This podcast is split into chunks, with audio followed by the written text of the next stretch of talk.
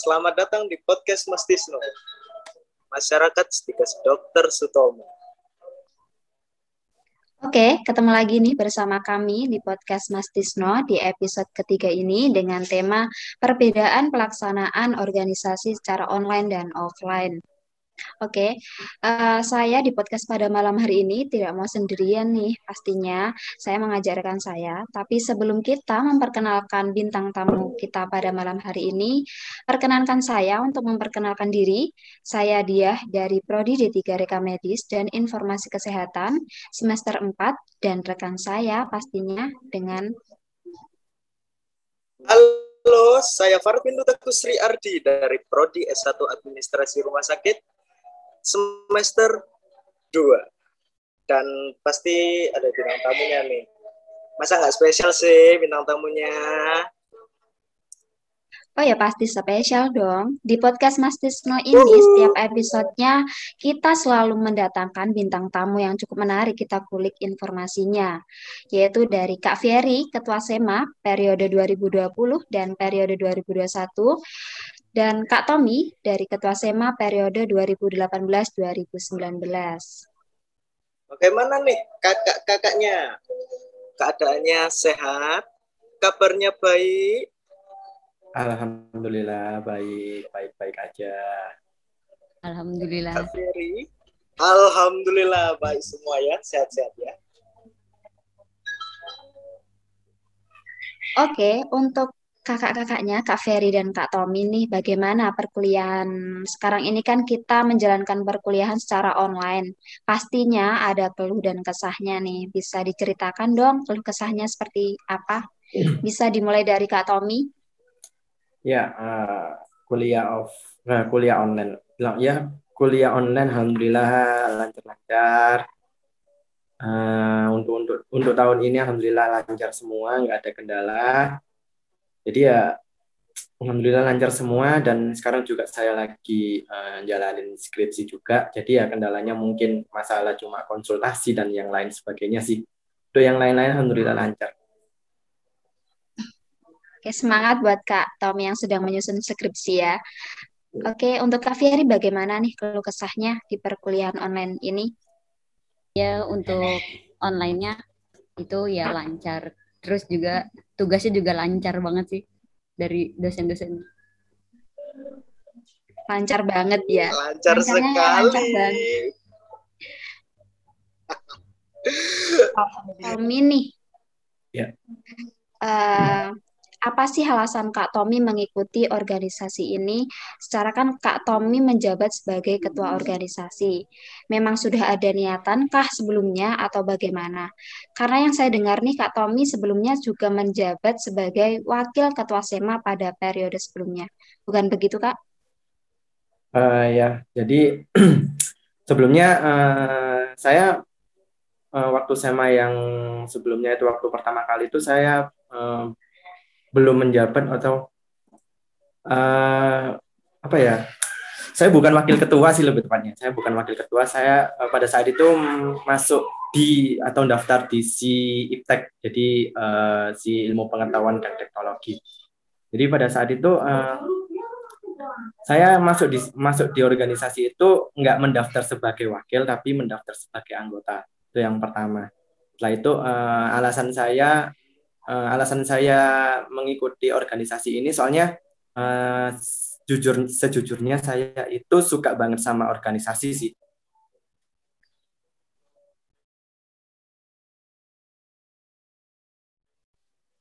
Apa sebelumnya di SMA juga organisasi ya kak?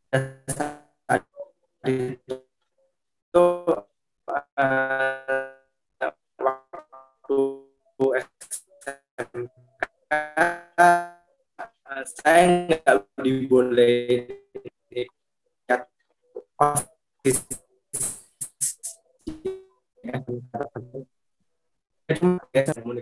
jadi SMK itu takutnya ya, menghambat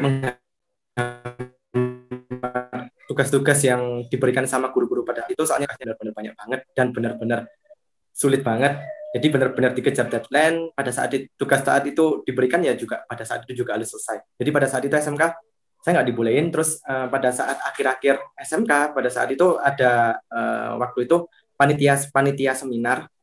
Eh mohon maaf kok seminar? Panitia panitia apa? Pameran ya panitia pameran. Dan pada saat itu saya join untuk ikut organisasi organisasi itu buat uh, meng, apa ya membuat acara pameran tersebut jadi itu awal awal awal banget saya mengikuti organisasi setelah itu beranjak melalui kuliah beranjak beranjak saya sekarang udah kuliah, saya mengikuti SEMA, saya mencoba untuk mengikuti SEMA dengan skill yang udah saya peroleh pada saat itu pada saat SMK. Jadi uh, saya mengikuti uh, apa ya, mengikuti organisasi tersebut masuk di SIIPTEK tersebut. Seperti itu sih. Itu alasan saya karena saya uh, suka banget organisasi. Itu. Oke, cukup menarik ya. Terus selanjutnya Halo Kak Fieri. Nah, gantian nih. Bagaimana untuk Kak Fieri? Dengar-dengar cuman kebetulan. Mana tuh? Ya, kalau tadi dari Katomu sendiri kan karena basicnya suka berorganisasi ya. Kalau saya basic dari SMA itu nggak suka berorganisasi yang resmi gitu. Resmi dari instansi itu nggak suka gitu. Jadi lebih ke panitia sementara. Saya ikutnya ke panitia sementara. Kayak misalnya kalau di SMA itu ada panitia buku kenangan siswa ya. Nah itu saya ikutnya cuma yang panitia itu doang gitu. Uh, jadi nggak ada basic organisasi apa apa gitu selama SMA nah kenapa masuk SEMA di perkuliahan ini? Karena saya sendiri itu kan anak rantau ya. Saya di Surabaya terus Jawa anak Jawa Barat satu-satunya di angkatan. Nggak punya temen siapa-siapa gitu di Surabaya nggak ada.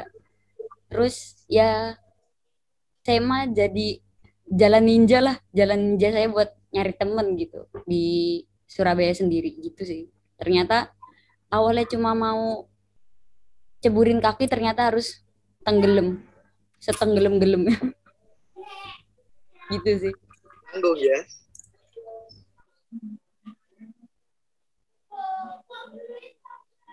Oke, untuk Kak Ferry itu uh, susah nggak sih sekarang kan menjabat sebagai ketua SEMA dan kita masih di kondisi pandemi seperti ini. Uh, keluh kesahnya menjabat sebagai ketua SEMA dengan keadaan semua kegiatan dilakukan secara online itu bagaimana? Bisa diceritakan keluh kesahnya? Kalau diceritain keluh kesah ya bisa tujuh hari tujuh malam kayaknya. Cuma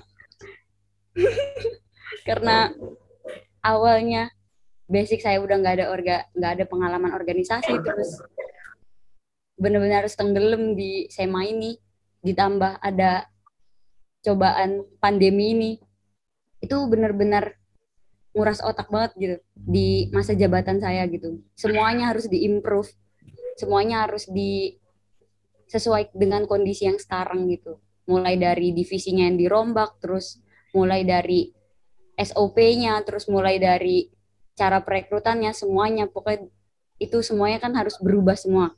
Ditambah lagi nggak ada acuan ya, nggak ada acuan yang secara online gitu sebelumnya nggak ada acuan. Jadi benar-benar tantangan buat saya dan juga uh, anggota-anggota saya sih. Bukan cuma saya doang. Iya, untuk Kak Ferry, bagaimana sih cara merangkul anggotanya? Karena kan uh, dengan anggota yang banyak nih, kita kan juga berbeda daerah, nggak semuanya di Surabaya. Pastinya kan susah kalau kita merangkul anggota itu secara online itu bagaimana? Untuk mengatur uh, komunikasi dengan yang baik itu bagaimana? Hmm, mungkin secara offline aja untuk merangkul seorang ketua gitu, merangkul anggota-anggotanya itu susah banget deh. Apalagi ditambah sekarang ini online gitu. Rasanya cuma bisa ngerangkulnya laptop doang gitu, HP doang. Nah itu kalau dibilang saya udah bisa ngerangkul atau enggak, terus caranya gimana? Enggak ada cara khusus ya, cuma saya menekankan ke koor-koor koor-koor divisi saya untuk lebih care ke junior-juniornya gitu dari situ sih dari saya situ. lebih mempergunakan koor-koor saya untuk menjalin komunikasi dari anggota saya ke atas dari atas ke bawah. Oke, cukup menarik ya. Kalau ngomong-ngomong online offline ini, buat Kak Tommy sendiri, bagaimana sih pandangannya Kak Tommy buat organisasi yang online, offline? Kan Kak Tommy tahu sendiri, Kak Tommy pernah ngalamin organisasi yang offline dengan kondisi pandemi seperti ini, bagaimana sih uh, menurut Kak Tommy organisasinya itu? Iya, iya sih. Untuk pandangan saya sendiri, memang uh, semenjak apa ya semenjak pandemi ini, jadi pada saat itu uh, saya benar-benar kayak kepikiran juga uh, pasti ini mereka dalam artian semua organisasi nggak hanya di sedikit saja, pastinya kan uh, mereka itu dalam artian kayak apa ya kayak muter kayak muter otak banget buat buat gimana sih caranya buat bisa jalan ini organisasi meskipun uh, kita tanpa tatap muka dan bisa dikerjain di rumahnya masing-masing. Jadi kan pandemi kan gitu pada saat itu kan nggak boleh keluar juga, nggak boleh keluar rumah, semuanya juga lockdown, kegiatannya juga benar-benar di stop, perkuliahan juga di stop untuk sementara. Jadi uh, benar katanya Fieri tadi uh, apa ya? Jadi benar-benar kayak 360 derajat banget kayak langsung ke putar banget gitu. Jadi pandangan saya seperti itu sih. Kalau online kegiatan-kegiatannya juga perkembangannya yang dihasilkan oleh SEMA yang sekarang pun cukup bagus banget. Yang saya lihat meskipun apa ya meskipun ya mereka juga banyak juga ada beberapa yang masih perlu diperbaiki tapi itu hal yang wajar banget. Soalnya kenapa? Uh, ini kan pertama kali kalian juga untuk apa ya untuk untuk untuk membuat organisasi ini tetap berjalan meskipun pada saat pandemi pada saat online online seperti ini untuk apa ya dan selanjutnya untuk masalah offline offline yang saya yang saya apa yang saya rasakan apa ya yang saya rasakan juga apabila saya di posisinya Ferry pun pasti saya juga bakalan mikir-mikir banget buat buat jalanin ini sih. Soalnya semuanya serba berubah dan posisinya juga berubah juga antara kampus juga ada kendala ini atau juga organisasinya juga seperti ini dan ya banyak banget sih seperti itu. Sangat sulit juga ya kak ya. Iya sulit sulit banget sih itu. Eh, jadi menurut pandangan Kak Tommy ini perkembangan dari SEMA tahun ini yang kita lakukan secara online ini perkembangannya cukup baik ya Kak. Karena kan hmm. juga pasti ada perbedaan lah yang dilakukan hmm. secara offline maupun online itu pasti uh, dari periode Kak Fier itu uh, cukup kaget karena semua kegiatan dilaksanakan secara online.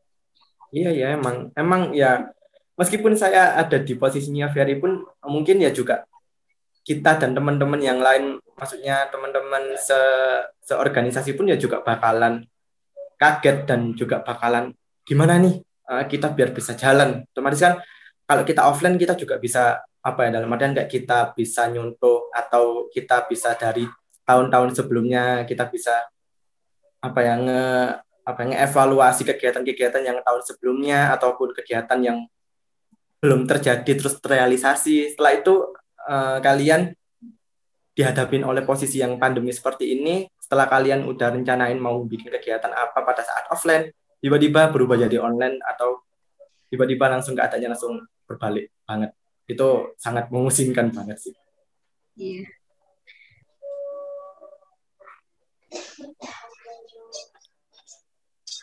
Uh, dengan kondisi seperti ini ya mungkin bisa memaksakan ya memaksakan untuk online offline online offline. Dan untuk online jika kita memaksakan untuk offline sendiri kan juga nggak memungkinkan gitu ya. Jadi ya nggak sulit juga. Ya seperti kata kak Tommy tadi sulit untuk kita jika sudah memikirkan rencana matang nih di offline. Tiba-tiba online kan juga harus merombak lagi buyar lagi gitu. hmm. Gak sulit juga ya tapi untung Kak Fieri ini bisa me, apa itu namanya kalau merangkul ya merangkul bisa menjalankan kegiatan-kegiatannya secara online dengan sangat-sangat mulus itu sih. Alhamdulillah. Oke, mau tanya nih untuk Kak Ferry, uh, untuk uh, acara secara online ini kampus mendukung mendukung nggak sih untuk acara online, apakah ada kesulitan untuk koordinasi pada pihak kampus atau bagaimana? Secara kemarin kan habis ada acara uh, ulang tahun Stikes yaitu Disnatalis, itu bagaimana prosesnya? Apakah terjadi kesulitan atau kendala yang mungkin bisa menghalang acara tersebut? Kalau dari kampus sendiri ya, dari pihak instansi itu untuk acara online memang lebih menganjurkan kegiatan itu online secara online. Program kerja di masa periode saya itu uh, dianjurkan untuk online. Tapi untuk instansi, instansi sendiri sih pihak kampus itu kalau memang memungkinkan untuk offline dan itu kebutuhannya benar-benar offline, kayak misalnya kegiatan di Disnatalis kemarin kan ada seminar ya. Nah itu untuk menjaga menjaga kestabilan operatornya si panitia seminarnya ini itu kampus memperbolehkan untuk ke ke kampus untuk menggunakan jaringan di sana yang stabil gitu. Terus dibantu oleh dari pihak kampus operator dari kampus. Jadi tapi dengan beberapa syarat dan protokol kesehatan yang ketat gitu. Terus juga cuma beba, cuma kemarin cuma dua orang dua orang aja gitu yang boleh ke sana tapi untuk kegiatan lain itu dianjurkan sangat untuk online ya. Terus tadi kendalanya yang di Disnatalis itu mungkin untuk komunikasi dengan dosen-dosen ya dari ketua bidang ketua bidang itu yang agak sulit. Misalnya saya sendiri di Disnatalis bukan sebagai ketua panitianya, tapi banyak dosen yang menghubungi saya untuk memperjelas atau terkait tentang disnatalis itu. Nah, itu agak miskomunikasi karena kan kalau misalnya offline itu ketua panitianya bisa langsung ketemu dosennya kan, terus langsung ngeflorin. Nah, ini nggak bisa terus kita harus chat-chat terus, terus dosen juga kan nggak nggak stay HP terus ya. Jadi itu sih agak dila agak lambat di proses ACC-nya ACC dari pihak dosen-dosen gitu. Oke, jadi kesulitannya pada koordinasi di pihak kampus ya Kak, karena kan uh, online. Jadi kita menunggu balasan dari beliau itu pasti kita juga menunggu lama. Ya, makasih ya Kak Fieri. Jalannya cukup banyak ya, karena saya juga merasakan.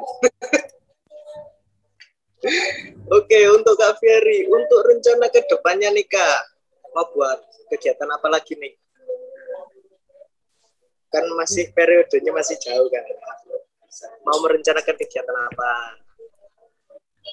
Untuk kegiatan sih uh, lebih mengimprove lagi proja-proja yang sebelumnya udah dibuat oleh periode-periode sebelumnya ya tapi kita improve jadi online. Terus atau bikin kegiatan yang belum pernah belum pernah diadakan gitu. Kayak kegiatan sekarang yang lagi berjalan itu Kartini ya tentang lomba artikel uh, Hari Kartini itu sedang berjalan. Untuk ke depannya sih uh, saya lebih mau ada kegiatan yang melibatkan pihak eksternal, misalnya dengan kampus lain atau dengan UKM itu sendiri sih. Oke, semoga acara bisa terrealisasikan, terrealisasikan dengan lancar ya. Oke, Amin. untuk Kak Tommy nih. Uh, kan kakak Kak Tommy itu pasti sudah banyak mendapat pengalaman ya kan di organisasi sebelumnya kan uh, semua kegiatan dia dilaksanakan secara offline. Untuk untuk Kak Tommy sendiri ada ide kah buat uh, periode Kak Fieri nih kegiatan apa sih yang mungkin cukup menarik kita laksanakan di uh, acara secara online ini? Uh, ya, untuk ide ya. Ini ide online, kegiatan online.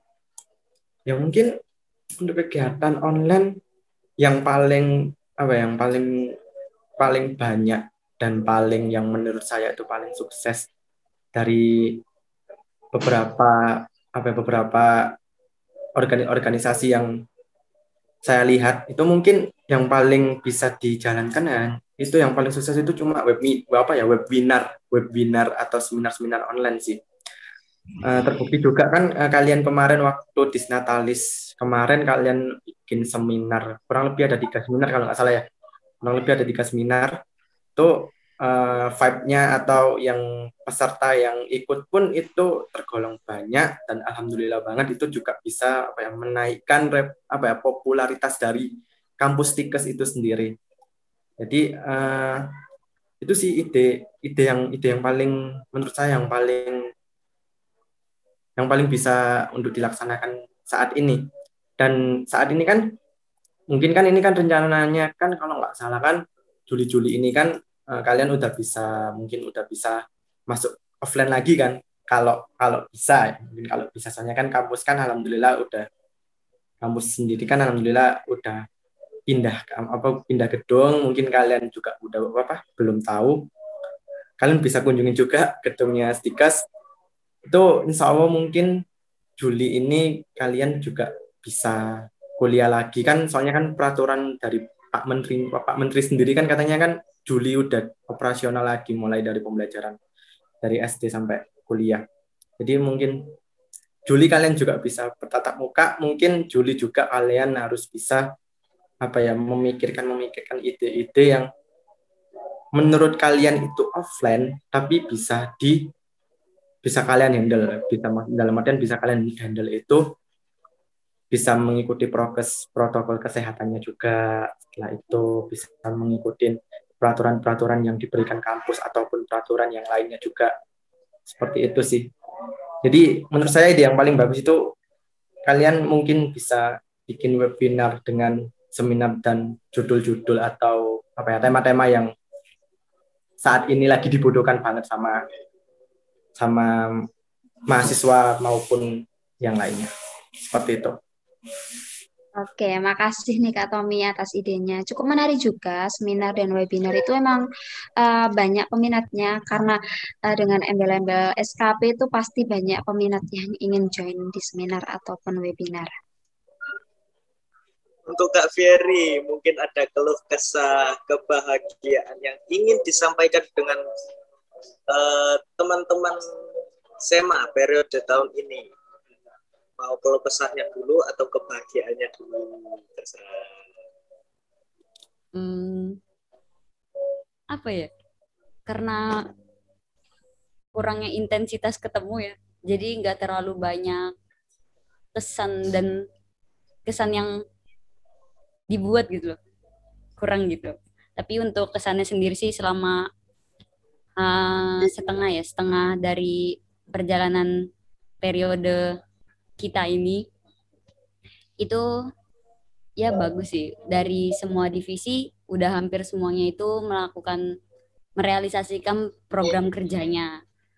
Terus juga sudah bekerja keras lah untuk membuktikan kalau online kita tuh tetap masih bisa membuat SEMA itu berkarya lah gitu itu sih bisa buat ya buat nanti acuan juga untuk periode-periode berikutnya kalau mem memang ada kondisi seperti ini lagi mereka udah ada acuan juga itu.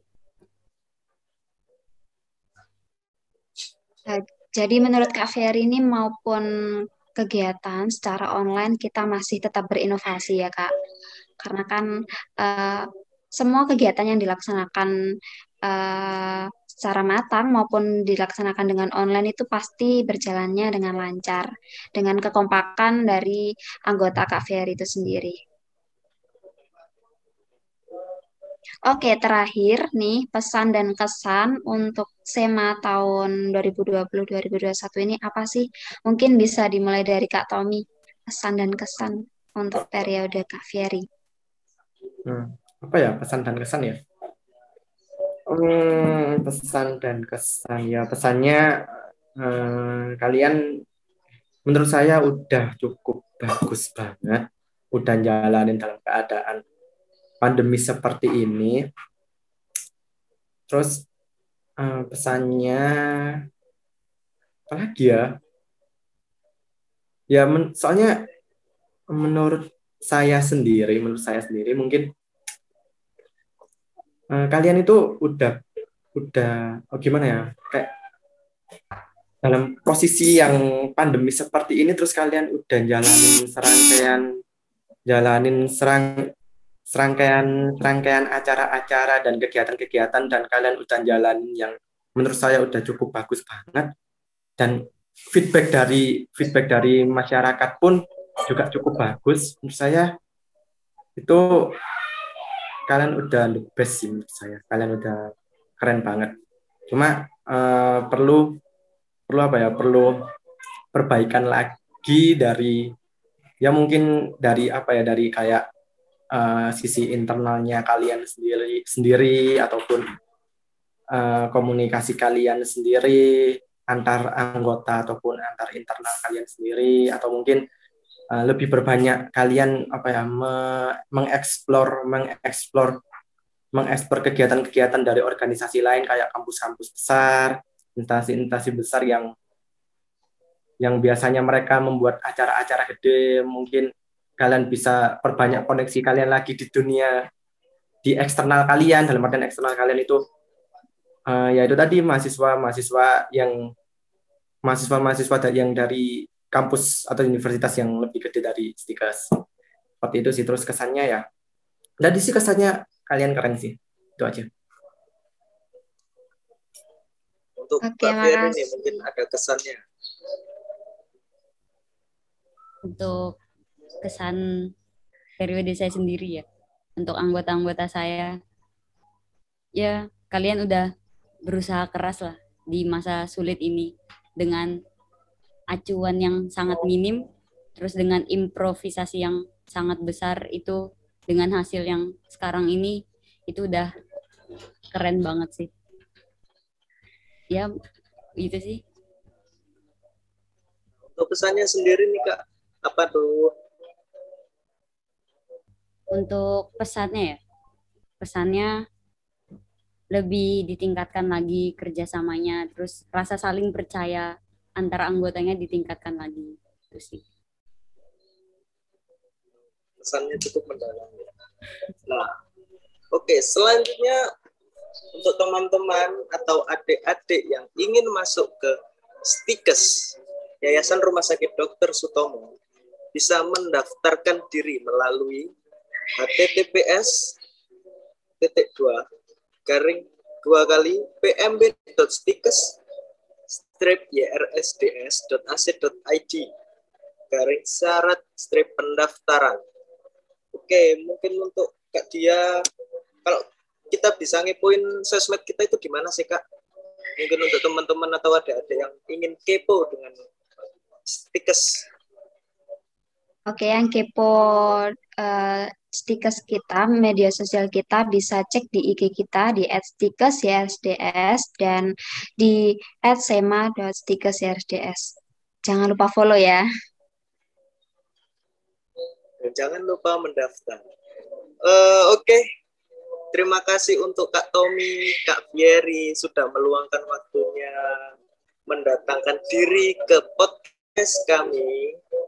Sudah, ya maaf sudah mengganggu waktunya. Sekian dari kami.